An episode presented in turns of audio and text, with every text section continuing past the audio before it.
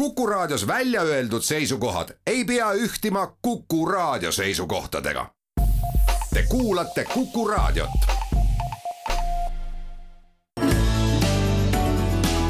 keskpäevatund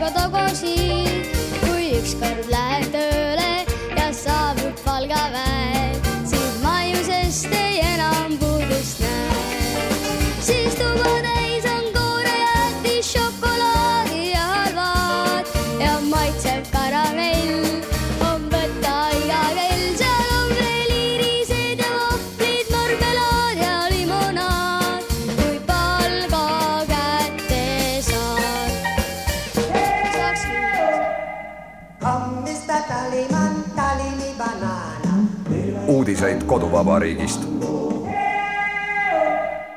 tere, siin Keskpäevatund ja Kuku raadio, Tallinna stuudios Ainar Ruussaar, Heldur Lepik ja Priit Hõbemägi. väike Oliver Lepik laulis oma laulukeses Palgapäev nii, et eh, kui tahaks midagi magusat saada, siis tuleb oodata palgo, palgapäeva ja siis on suu kommi täis. kui aga riigitöötajad tahavad saada palgatõusu, et omale kommi osta, siis neil tuleb oodata, millal koalitsioonierakonnad hakkavad riigieelarve strateegia läbirääkimisi pidama ja siis võib-olla sealt midagi huvitavat neile ka tuleb. Ja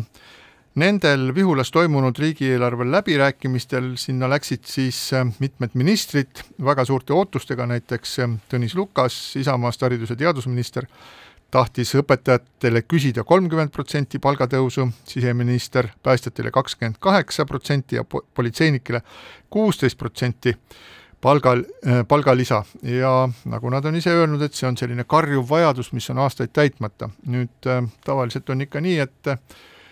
seda sa ei saa, mida sa küsid ja sellepärast küsitakse palju rohkem, võib-olla rohkem, kui üldse kunagi loodetakse. nüüd, kui me räägime riigi töötajatest, endise nimega siis riigiteenistujad ehk kõik need, kes riigi käest palka saavad, siis nendel on selles mõttes asi täitsa korras, et äh, vaatavad ära, mis siis koalitsioonierakonnad räägivad ja ju see raha siis ikka lõpuks tuleb, tippametnikel on veelgi liht-, lihtsam, neil on indekseeritud palgatõus ja sellest me täna veel räägime, et see on päris, päris karjuvalt suured numbrid üldise hiiglasliku inflatsiooniga võrreldes, aga alustame siis riigiteenistujate või riigitöötajate palgatõusust, et kuidas sellega, kuidas sellega siis on? stuudios on küll Heldur Meerits, mitte Heldur Lepik, aga ei ole mul varjunime veel. ei noh, Priidul on selles mõttes tõesti õigus, et küsida tuleb alati rohkem, kui saab, aga see, milles nüüd on kokku lepitud ja mille Riigikogu peab heaks kiitma, õpetajate palgatõus viisteist protsenti, politseinike ja päästjate palgatõus kuusteist protsenti ja riigitöötajate, mis on minu jaoks natuke hajuv ja absurdne mõiste, palgatõus viis protsenti on siiski midagi, mis noh, inflatsiooninumbreid vaadates katab ära poole elukalliduse tõusust. et neid sedasorti lahendusi ja probleeme noh, saabki nagu väga erinevatest vaatenurkadest vaadata, et, et et kindlasti esitata, on esitatud ja esitatakse edaspidigi veel seda, et et need palgatõusud on väiksemad kui hinnatõus, täpsemalt küll tarbijahindade muutus. aga noh, teisest küljest seda on jälle rohkem kui mullu, nii et, et see on nagu kahtlemata hea uudis ja noh, selle kõige taustal on ju veel ka küsimus selles ja et, et et kas siis meie riigieelarve miinus veel süveneb või, või, või ta jääb enam-vähem samale tasemele, sest me teame, et, et tänu sellele hinnatõusule on nüüd ka riigieelarve laekumised kasvanud, aga et et kas sellest kõigest nüüd nagu piisab ka, et me saaksime juba need äh, riigieelarve strateegias lubatavad äh, tõusud ära katta ja et, et et seda ei tea praegu veel keegi, et selles osas on meil ainult ennustused ja seda nagu päriselu järgmisel aastal näitab. jah, lisan juurde, et äh, tõuseb ka tulumaksuvaba miinimum järgmisest aastast kuuesaja viiekümne nelja euroni ja, ja tõusevad ka pensionid kaheksateist protsenti, ehk siis tegelikult noh, natuke saavad raha juurde need, kellel võib-olla tõesti on kitsas käes, aga ma arvan, mehed, te olete minuga nõus, ega me ju tegelikult ei tea, mida need hinnad tegema hakkavad siin kahe kuu pärast. jah, me ei tea tõepoolest, et, et need majandusanalüütikud küll on lohutanud jah, et, et, et noh, küll, küll nagu järgmisel aastal see inflatsiooninumber läheb äh, väiksemaks, aga see on nagu lihtsalt niisugune veider äh, tehnokraatlik äh, formaalne lähenemine, et kuna tänavu on hinnad tõusnud ja, ja kui nad järgmisel aastal edasi ei tõuse, eks, et et siis, siis ongi väiksem inflatsiooninumber meil. aga noh, see ju tähendab seda, eks, et kõrgeks nad ju, need hinnad ikkagi jäävad no me oleme ju näinud hüperinflatsiooni, need, kellel oli siis õnn või õnnetus elada siis ka Nõukogude aja lõpul, kus äh, tõepoolest, et raha äh, maksti küll sellesse juba väga väärtuslikuks, väärtusetuks muutuvas valuutas, maksti, raha maksti pakkidele nii, pakkidena inimestel ei olnud üldse aega raha lugeda, ma mäletan, et töötasin tollal vist Eesti Ekspressis ja siis äh, anti raha lihtsalt, pandi klots lauale ja siis võtsid selle klotsi ja viskasid kodus mingisuguse kappi ja kui kellelgi oli raha vaja, siis öeldi, et mine võta, võta sealt endale nii palju, keegi tegelikult ei teadnudki, kui palju tal üldse seda raha oli, muidugi siis, kui tuli rahareform ja siis igaüks sai oma, oma sada viiskümmend sada viiskümmend krooni, siis äh, muidugi asi läks päris karmiks kätte, aga aga olles sellist inflatsiooni näinud, kus ikka need numbrid on kolmekohaliste numbritega, siis siis äh, aga ütle, Heldur, Meerits et, et kas, äh, kas selline asi tõepoolest võiks olla nüüd tänapäeval reaalne, et me näeme mingi, ma ei tea, terve aasta otsa näeme kahekümneprotsendilist äh, inflatsiooni, et see tundub lihtsalt täiesti ebareaalne no see, et, et aasta otsa kakskümmend protsenti saaks olla, et, et noh, see ei, selles ei paista ju küll midagi võimatut olevat, sest nagu pool sellest aastast oleme me juba ära olnud või on meil ära olnud ja et, et kõik viitab sellele, et, et meil tõepoolest nagu see järgmine pool aastat nagu ka sa, on see samasugune hinnatõus. no et, et iseasi on see, et, et noh, kas me nagu võiksime jõuda ka viiekümne või sajaprotsendise inflatsioonini, aga noh, see, see tundub mulle ikkagi päris, päris eba, ebareaalne, sest et me olime küll ju veidikene skeptilised Euroopa Keskpanga puhul, et, et aga noh, kui ma vähemalt vaatan, mida Madis Müller räägib ja noh, ta ilmselt nagu esindab ikkagi neid meeleolusid, mis seal laiemalt on, et, et siis, siis ta ütleb, et, et või see, sealt ka kõlab läbi see, et et Euroopa Keskpank on nagu valmis ka veel nagu edaspidigi neid intresse tõstma ja seeläbi inflatsiooni maha suruma no mul tuli siin üks küsimus äh, äh, meie kuulajalt, et äh, see on selline, et aga kui inflatsioon on jõudnud saja protsendini, et kas see tähendab seda, et kõik meie säästud on jõudnud nulli ja me ei jaksa enam midagi osta? no ei, ei, ei, sest et, et sa näed jah, et, et, et sul nagu pangakontol on ikka mingisugune raha jah, ja sa näed, et, et selle raha eest sa saad ikkagi midagi osta. ja siis on nagu selles kuulsas Oskar, Oskar Lutsu selles jutustuses tagahoovist, kus väike poiss, kes siis äh,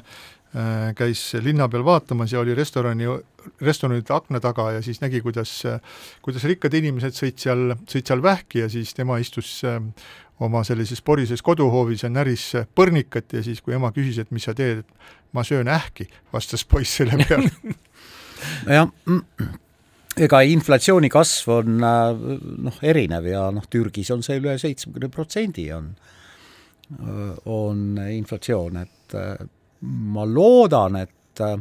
meil Eestis, kus me oleme Euroopa esimesed praegu inflatsiooninäitajate poolest, ees isegi Lätist ja Leedust, mida me oleme alati tahtnud ja nüüd ka oleme. Lätis oli kakskümmend protsenti vist, meil kakskümmend viis. et noh, kusagil peab see, see piir ette tulema ja jah, noh, Heldur oskab paremini seletada, seletada, aga peaminister rohutab meid kõiki sellega, et tõepoolest, kui inflatsioon on nii kõrge, siis maksu laekub ka rohkem. ja, ja tõepoolest ka käibemaksu laekub rohkem, sellepärast et inimesed paraku ostavad ju erinevaid kaupu, mille hinnad on ka läinud kallimaks. jah, aga noh, see tähendab äh, seda, et, et me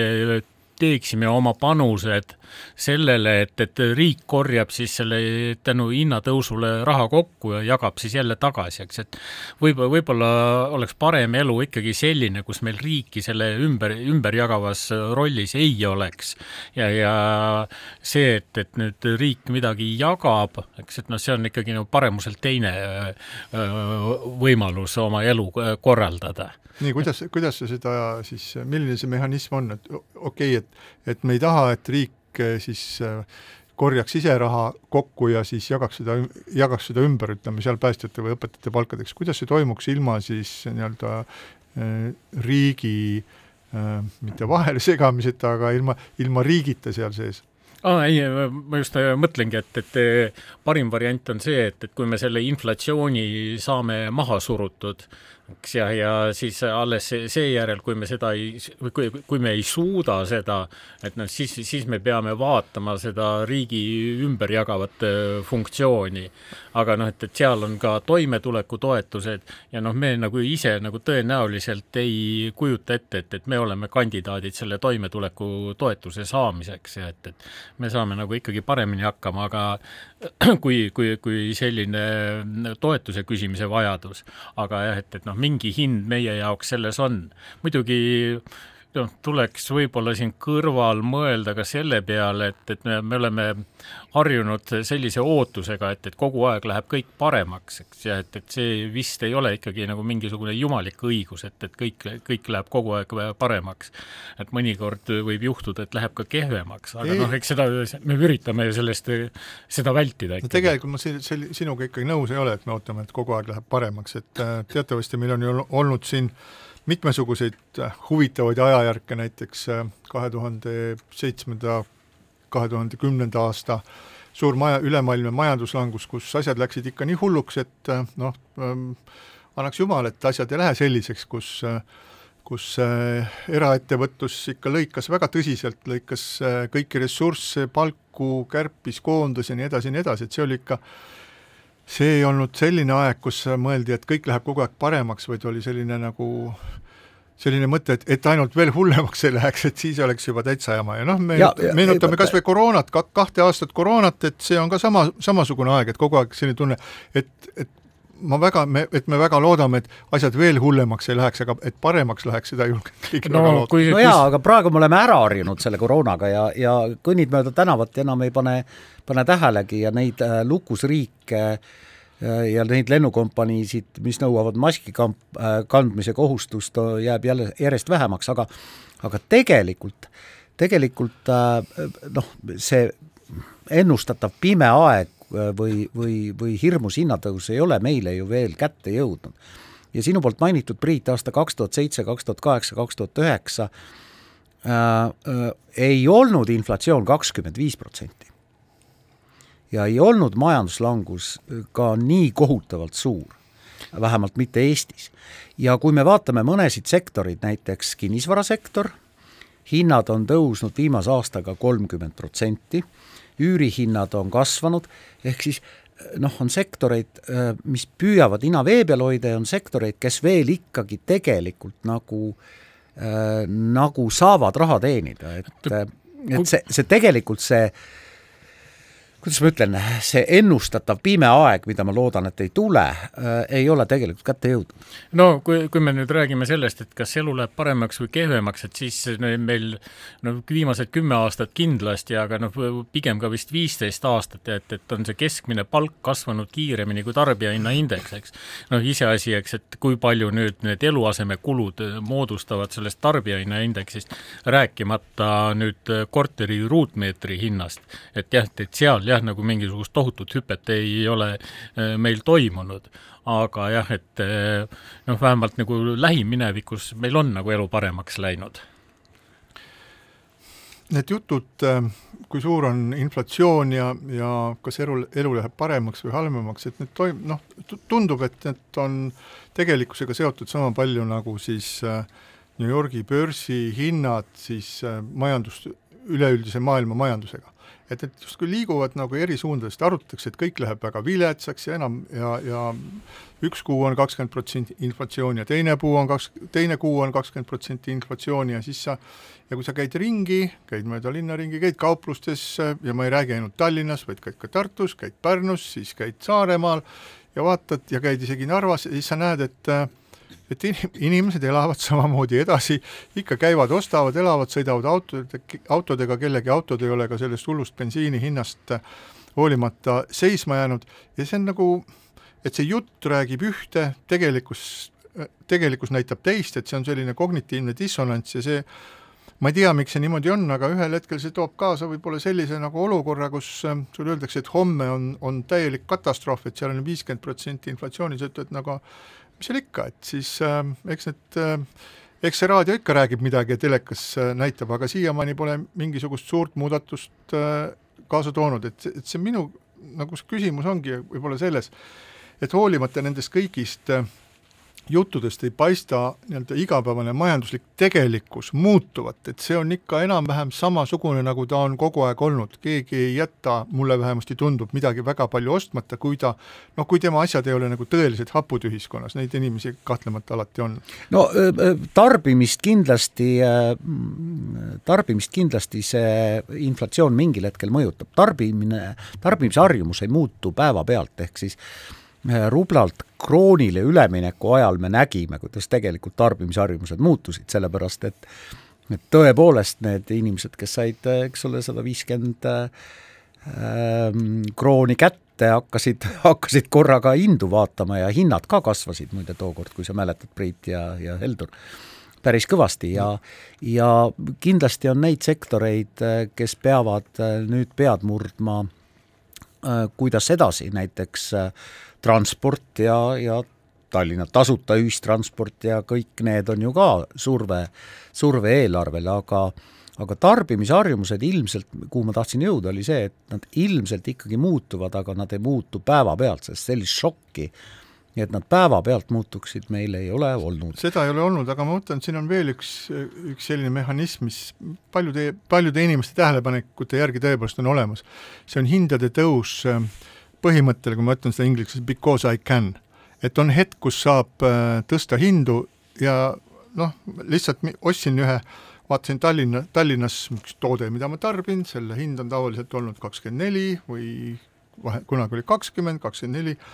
eurot umbes, lähen üks päev poodi, vaatan, toote hind on kolmkümmend ma mõtlesin, et sinna ei lähe palju elektrit sisse, sinna ei lähe gaasi, sinna ei lähe naftat, seda ei tooda kuskilt ei tea kuskohast, aga hind on, näed, tõusnud peaaegu kolmandiku võrra. Ja siis sõidan, sõidan ma siis äh, välismaale äh, konverentsile ja vaatan seal ka väga, väga kallis äh, Skandinaavia riik ja näen, müüakse samasugune toode, kakskümmend eurot. Ja ma mõtlen, et see, see Sindrimaa maaletooja lihtsalt mõtleb, et kõik panevad praegu juurde, väänan ka, pagan, panen kolmandiku juurde vaatame, kas, kas ostavad. Ja siis mulle tundub, et, et kuna, kuna minu meelest sellist äh, suhtumist on siiski omajagu, et ühel päeval teatud sektor, sektorites see tarbimine lihtsalt jookseb kinni, et kaupmees, kes on üritanud nii-öelda enne siis äh, tema arvates eeldatavat kriisi endale sellist nagu rasvavaru koguda ja ajanud hindu kõrgeks, seisab ühel päeval Äh, silmitsi selle asjaga, et inimesed tema käest lihtsalt enam ei osta, ostavad kuskilt mujalt ja siis ta on sunnitud äh, oma hindu korrigeerima. no ja mina olen ka kuulnud seda, et, et kui inimesed hakkavad saama novembri ja, ja detsembri üüriarveid, et siis nii mõnigi kaupmees peab hakkama ka oma, oma toote, toote hinnale mõtlema ja ja seda kas külmutama või, või maha võtma, et üks huvitav nähtus, mida tasub tähele panna, on see, et mis saab ikkagi siis kinnisvaraturul ja üüriturul, et kus siiamaani ei ole mingisugust nagu pidurdust olnud, et see on tegelikult üks suur sektor, mis, mis on majanduse üks indikaator. No kui me räägime inflatsioonist, siis me peame silmas tarbijahinnaindeksit ja et, et selle kõrval on veel ka teisi hinnaindekseid, aga see inflatsiooni sünonüüm on tarbijahinnaindeks. ja nüüd noh, nii nagu me ütleme, et, et keegi ei saa keskmist palka ja et, et see on, see keskmine palk on nüüd üks abstraktsioon, siis samasugune abstraktsioon on ka tarbijahinnaindeks. aga nüüd noh, kui me nagu vaatame, et, et ümberringi silma järgi hinnates on inimeste tarbimine samal tasemel, noh, et ega neil jah, nagu ilmselt siis raha ei ole otsa saanud, et noh, no kui me vaatame kas või Eesti Panga statistikat, kui palju on inimeste kontodel raha, siis see sinna noh, on siin nagu viimastel aastatel circa miljard lisandunud. nii et, et ähm, jah, et, et kuni, kuniks nagu raha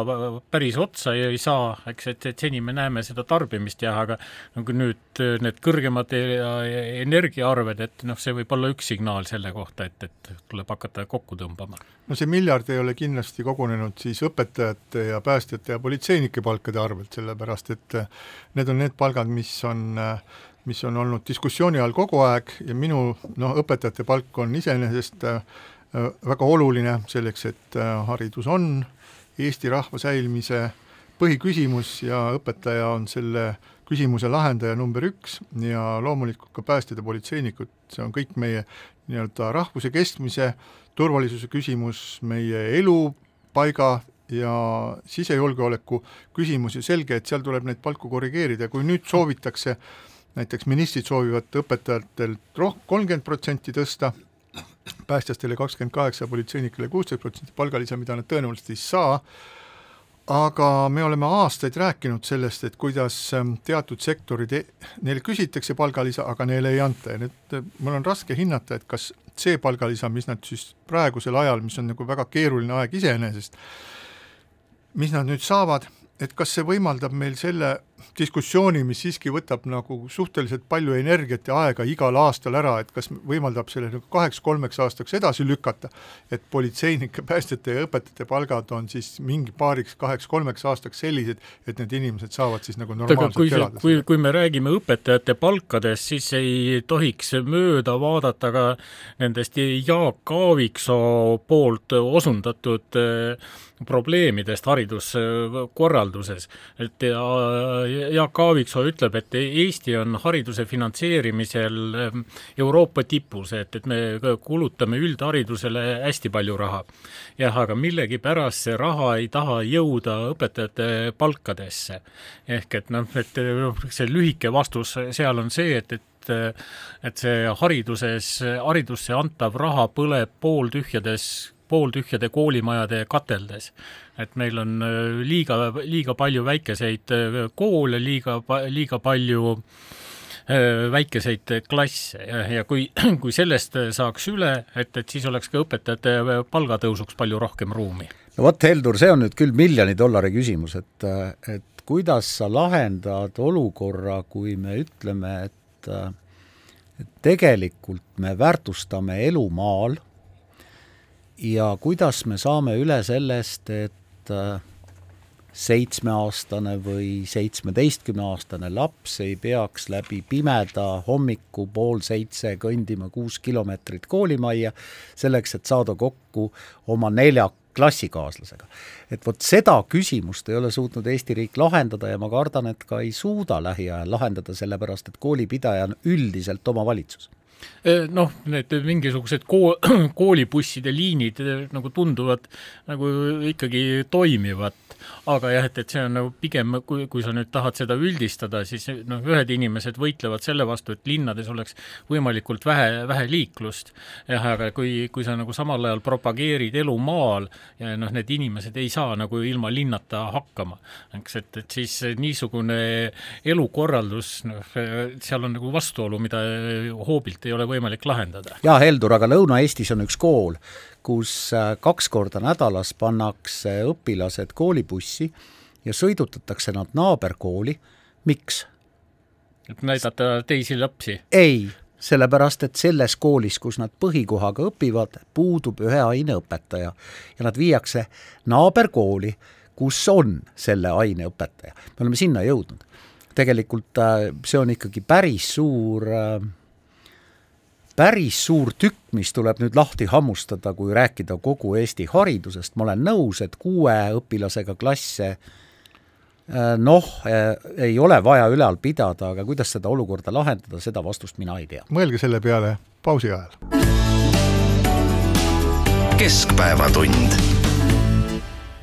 ja Keskpäevatund jätkab Heldur Meerits, Ainar Ruussaar ja Priit Hõbemägi ja räägime natuke ka nendest, kes hakkavad järgmisel aastal nii kõvasti palka saama juurde, et no ütleme niimoodi, et pea hakkab lausa valutama. nimelt ootab järgmisel aastal kõrgemaid riigiteenistujaid, kõrgemaid riigiteenistujaid ees üsna priske palgatõus, sellepärast et kunagi ammu paika pandud seaduse järgi on nende töötasu indekseeritud ja seda indeksit siis rakendatakse igal aastal aprillis vastavalt sellele eelmise aasta sotsiaalmaksu pensionikindlustuse osalaekumisele ehk palgakasvule ja palgad, nagu Heldur siin juba märkis, on kasvanud tublisti ning inflatsioonile. kaheksakümmend protsenti kasvust annab eelneva aasta palga ja kakskümmend protsenti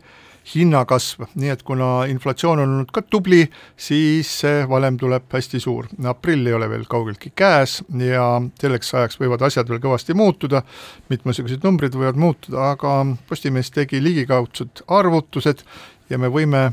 tänase päevaga öelda nii, et kui näiteks Eesti Vabariigi president, Riigikogu esimees, peaminister, Riigikogu esimees saavad eurodes palka eh, seitse tuhat kolmsada eurot seisuga esimene aprill kakskümmend kaks, siis järgmise aasta aprillis hakkavad nad saama tuhat kakssada kaheksakümmend eurot rohkem. samuti need näiteks riigikontrolör, järgmine aste on riigikontrolör, õiguskantsler, riigi peaprokurör, minister, fraktsioonide esimehed saavad palgalisa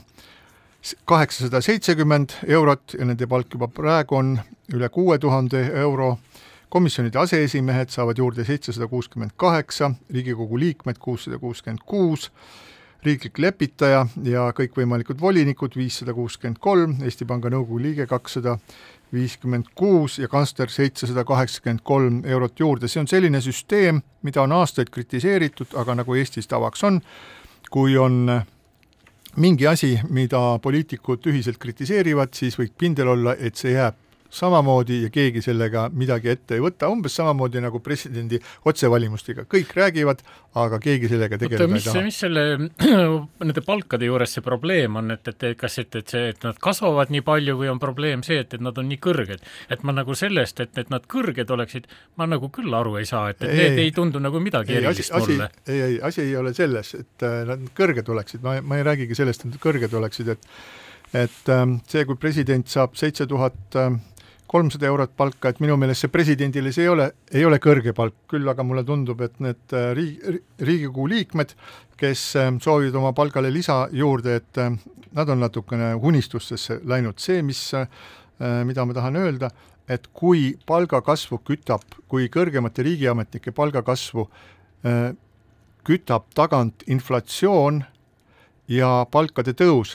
et siis võrreldes kõikide teiste inimestega, kes ei ole kõrgemad riigitöötajad, on see väga ebaõiglane. see on üks priviligeeritud klass, kes selle tõttu, et Eestis on kõrge inflatsioon, et inimesed selle tõttu äh, tõenäoliselt kannatavad, saavad hoopis palka juurde, minu meelest see on vale. mina näen siin pigem, pigem äh, seda probleemi, et tegelikult see mina ei taha ka vaadata teise inimese rahakotti ja mind ka üldiselt ei huvita, palju keegi palka teenib, aga, aga noh, kuna nende sinu poolt loetletud inimeste palgad on avalikud, siis see tekitab sellist emotsionaalset ebavõrdsust ja ja mida kindlasti needsamad poliitikud kasutavad ära enne märtsikuiseid äh, parlamendivalimisi, lubades kokku ma ei tea mida, aga aga kui seadus on selline, siis seadus on selline ja nii see nii see paraku on, ehk siis äh, vaata, siin on võib-olla see, et, et kellelgi teisel ei tõuse need palgad nii automaatselt, et et noh, kui me räägime inflatsioonist ja hindade tõusust, siis on nagu selge, et sellega käib ka äh, palkade tõus äh, kaasas. ja nüüd noh, erasektoris noh, seal ei olegi selgeks, et kas ettevõttel õnnestub äh, hindu tõsta või mitte, mõnel õnnestub, mõnel mitte, eks ja, ja siis ei pruugi olla ka raha selle palgatõusuks. jah, mõni nüüd..., mõni kannatab mingi aja kahjumit selleks, et üldse ellu jääda. jah, aga jah, et eh, nüüd avalikus sektoris nagu pigem oleks see hea, kui seal oleks mingisugune mehhanism, kuidas äh, Äh, kuidas need palgad peaksid muutuma, sest noh, teine võimalus on see, et, et toimubki nagu mingi üleüldine kaklus ja, ja siis kui tolm langeb, siis selgub, et, et kuidas need uued palgad välja näevad ja, ja noh, selle praeguse mehhanismi kaitseks võiks öelda, et see on nagu täpselt sama skeem, mille järgi ka pensionid tõusevad et ähm, noh, mingisugusel kujul me nagu peaksime nagu reguleerima neid palku. selge, pensioni puhul on see indekseerimine ka arusaadav, et need on inimesed, kes äh, valdavalt enam, enam tööl ei käi ja kes äh, lihtsalt satuvad sellisesse viletsusse, kui nende pension jääbki sinnapaika, aga antud juhul meil on tegemist ju väga kõrgepalgaliste töötajatega, et selles mõttes see, mis on väär, on see iga-aastane inde-, selline indekseerimine, et tegelikult kui me vaatame, kuidas siis ähm, turg üldiselt võtab tippjuhte tööle, et nad sõlmivad oma lepingu, mis ütleme, riigi puhul on umbes neli aastat tavaliselt, ja on ju täiesti normaalne selleks, äh, on see, et kui juht tuleb tööle, et siis temaga lepitakse selleks, tema perioodiks on see kolm, neli või viis aastat, lepitakse mingi üks, äh, üks äh, summa kokku, mida vahepeal siis ei hakata indekseerima. Ja kui siis see periood lõpeb, tuleb järgmine periood, kas sama inimene või mõni teine inimene jätkab, et siis räägitakse see uuesti läbi ja seal on mingisugused noh, need ütleme nii-öelda mingisugune kahvel on seal olemas. ja see on ka üks üks siis ettepanek, et mille on teinud siis kuna, kunagine Riigikogu esimees Eiki Nestor, kes ütles äh, Postimehele nii, et ideaalis võiks näiteks neljaks aastaks ametisse kandideerivad inimesed teada, millised on nende palgatingimused. riigikogulaste palka võikski korrigeerida korra nelja aasta jooksul ja palga võiks välja pakkuda avalikkuse tunnustatud spetsialistid ja ametiühingud, Tööandjate Keskliit, Ametiühingute Keskliit ja teised ühiskonna rühmi esindavad ühendused, nüüd selle ühenduste paku, pakutud palkade osas ma olen natukene kahteval seisukohal, võib-olla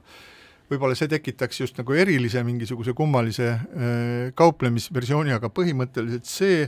mõte, et äh, ka kõrgemad riigiametnikud saaksid äh,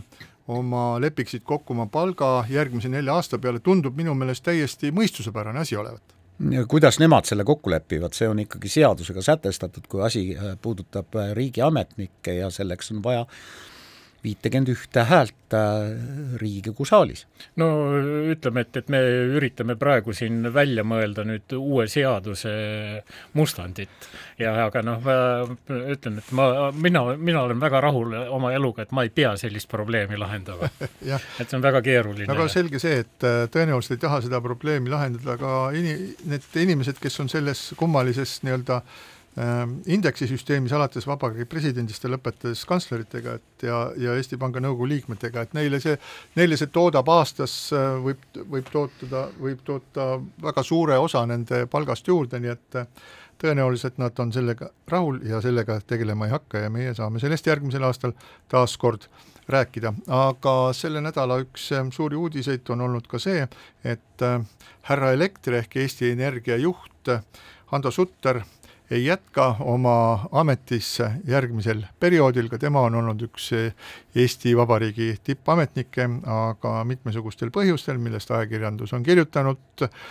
mille hulgas on märgitud ka seda, et tema läbisaamine peaminister Kaja Kallasega ei olnud kõige parem, lõpeb siis tema äh, nii-öelda tema ametiaeg järgmisel aastal ja tuleb uus inimene elektrit juhtima, tuletame meelde, et ka, ka Sandor Liive, eelmine Eesti Energia juht, lahkus sellise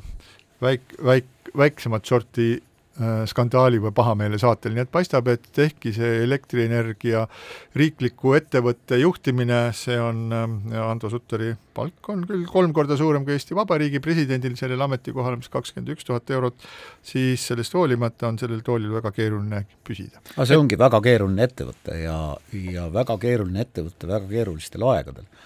Ühelt poolt äh, tõepoolest energiakriis, mis paistab uksest ja aknast, teiselt poolt äh, rohepöörde surve ja kolmandalt poolt, eks ole, meie põlevkivil töötavad elektrijaamad ja, ja nende noh, koormuse vähendamine või siis Ida-Virumaal töökohtade vähendamine ja nii edasi ja nii edasi, see on väga keeruline ametikoht. ei no seda küll, aga noh, see ei ole ju probleemi, inimesed, inimest ei sunnitud sinna minema. ei, muidugi mitte. ta läks sinna sellepärast, et ta tundis, et ta tõenäoliselt saab selle asjaga hakkama. jaa, aga, aga tema ametileping, ma saan aru, lõpeb märtsis. märtsis, jah nii et ta peab tegelikult selle hirmsaks manatud talve, ma ei tea, kui hirmus see tuleb, aga ta peab selle ikkagi äh, härra elektrina veel üle elama. no need, need inimesed, kes seal sellele olukorrale lähemal on, et, et need ei võta küll omaks, et, et see Sutteri mittejätkamine oleks nüüd halvast läbisaamisest peaministriga äh, tulenev jah, ja pigem, pigem nad rõhutavad seda, et, et, et ta on nagunii juba kaheksa aastat ametis olnud ja, ja siin ma nagu nõustun, et, et me, igal ettevõttel on nagu väike, väike vahetus noh, üldjuhul kasulik. no laias plaanis vaadates äh,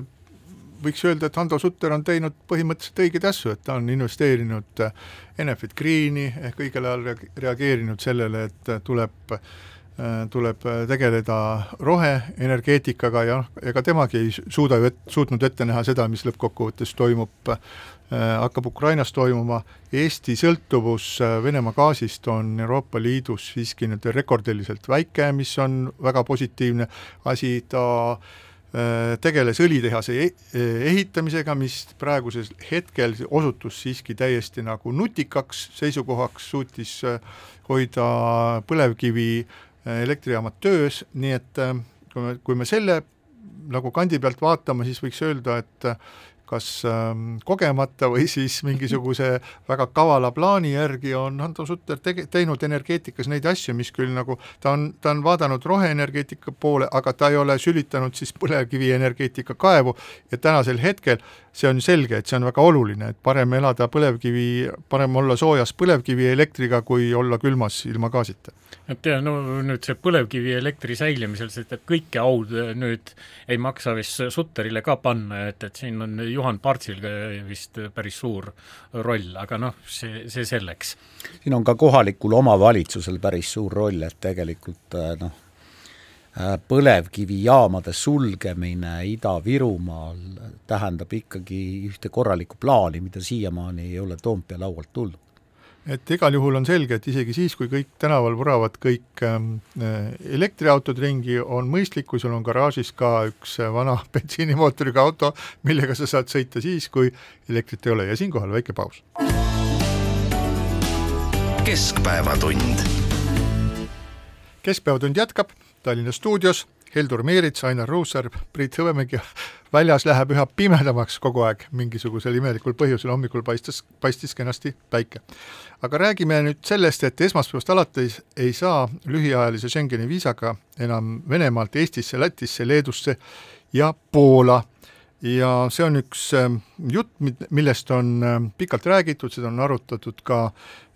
Euroopa Komisjonis üritatud leida Euroopa Liidu liikmesriikide vahel ühist kokkulepet selle kohta, et võimalikult vähe Venemaa kodanikke lubada Euroopasse puhkama, sellepärast et see on lihtsalt moraalselt vale, samal ajal kui Venemaa peab hävituslikku sõda Ukrainas, tapab sealseid naisi ja lapsi, siis selle, osa selle kodanikest eh, saavad mõnusalt Pariisis või Nitsas aega veeta ja paremat veini juua, et see on vale, et eh, siin ju ei nõuta, et nad läheksid äh, relvadega tänavatele, aga on veelgi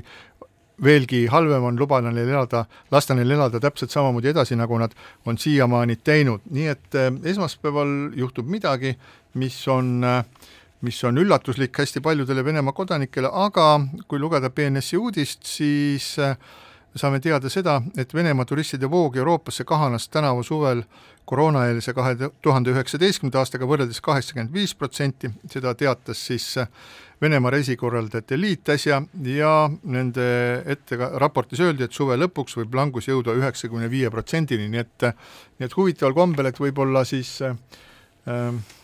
ongi need ainult viis prot-, need, kellega me siin tegeleme, ongi ainult viis protsenti nendest kõikidest reisihuvilistest äh, Venemaa kodanikest, kellele me siis nii-öelda tahame sinna talavankri rataste vahele lükata. nojah, kui kogu Venemaa rahvaarvu vaadata, siis ega see protsent, äh, me äh, jah, tõepoolest oleme harjunud Londonis ja Pariisis ja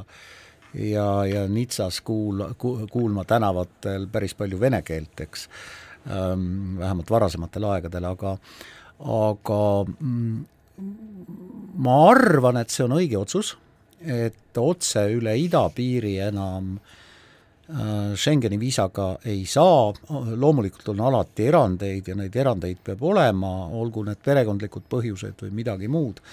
mis mulle väga meeldib, on see, et äh, ma olen spetsiaalselt küsinud valitsuse liikmete käest, et kui Venemaal elav Vene kodanik on soetanud siia kinnisvara, mis on tema oma, siis kas tema saab oma korteris tolmu pühkida. ei saa, on mulle öeldud. mis on ilmselt ka noh, õige, äh, võimalik, et juriidiliselt vaieldav, aga mis on ilmselt ka õige. mis on minu jaoks jäänud aru, arusaamatuks ja millele ma ei ole saanud täit vastust, on see, et kui Vene kodanik sõidab Venemaalt Türki ja lendab Turkish Airlinesiga äh, kuhugi Euroopa riiki ja tuleb siis läbi piirikontrolli Schengenita Tallinnasse, siis seda ju tegelikult keegi kontrollida ei saa.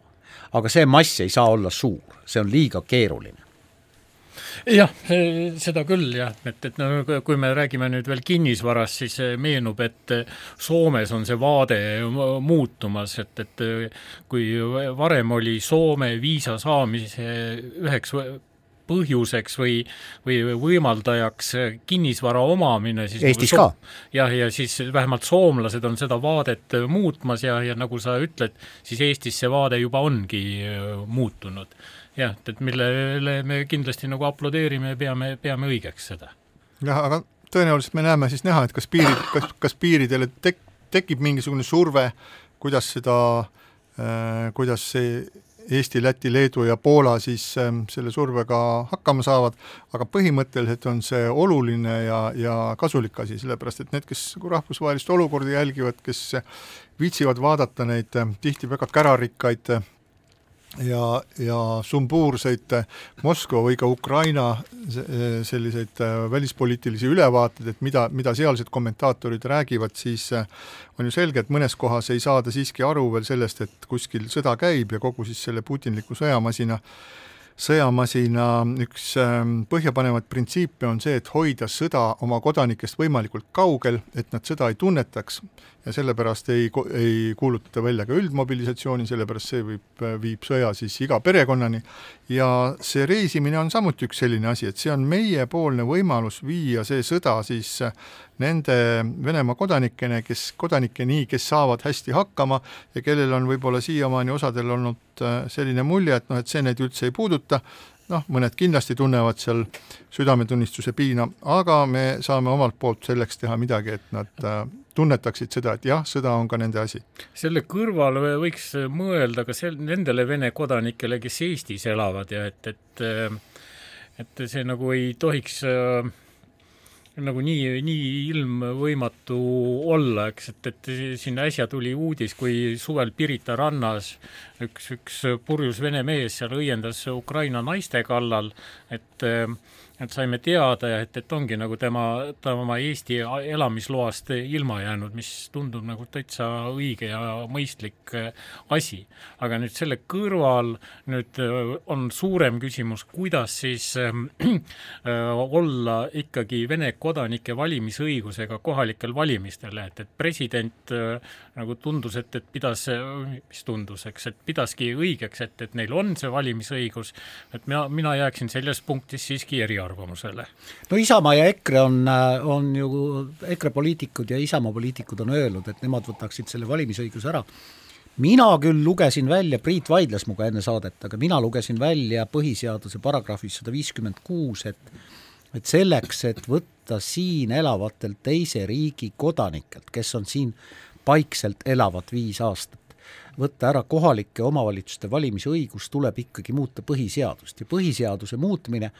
ma, ma ei ole selle vastu, aga põhiseaduse muutmine äh, ühe paragrahvi raames on minu meelest jabur, et Võtta, siis tuleks meie..., siis tuleks kogu põhiseadust vaadata selle pilguga, et kas seda tuleks kaasajastada, milliseid paragrahve veel muuta. vaata, meie, meie kui nagu vanad riigiõiguse asjatundjad siin üks oma seminaril nagu, et, et me, mina lugesin siiski sellest põhiseaduse äh, paragrahvist välja, et see viitab eraldi seadusele, ehk et siin äh, minu arusaamist mööda ei ole mingisugust äh, põhiseadusest tulenevat takistust tegevust no iga, igal, jaa, ja kui me siin juba kuidas sa ütlesid, niisugune põhiseaduslik komisjon või mis no riigiõiguse asjatundjad. tõe, tõepoolest, tõepoolest. et ähm, mitte nüüd nagu riigiõiguslikult seisukohast, aga südametunnistuse seisukohast nagu oleks ju selge, et, et meie ajad on erakordsed, erakordsed ajad vajavad erilisi lahendusi, et kui erakordsetel aegadel elades kogu aeg äh, püüda juht, juhinduda sellest, mis tavapärast äh, rahuaegset elu siis tüürib, et äh, siis võib joosta lihtsalt peaga vastu seina, et ja ma arvan, et selles mõttes ka Eesti Vabariik peabki nagu tegema, tegutsema kiiremini, peab tegelema te,, tegutsema otsustavalt, et see, et meil on olemas äh, sellised võimed ühiskonnana ja, ja oskused, et me suudame konsolideeruda mingisuguse küsimuse ümber, kui see on vaja, väga tub-,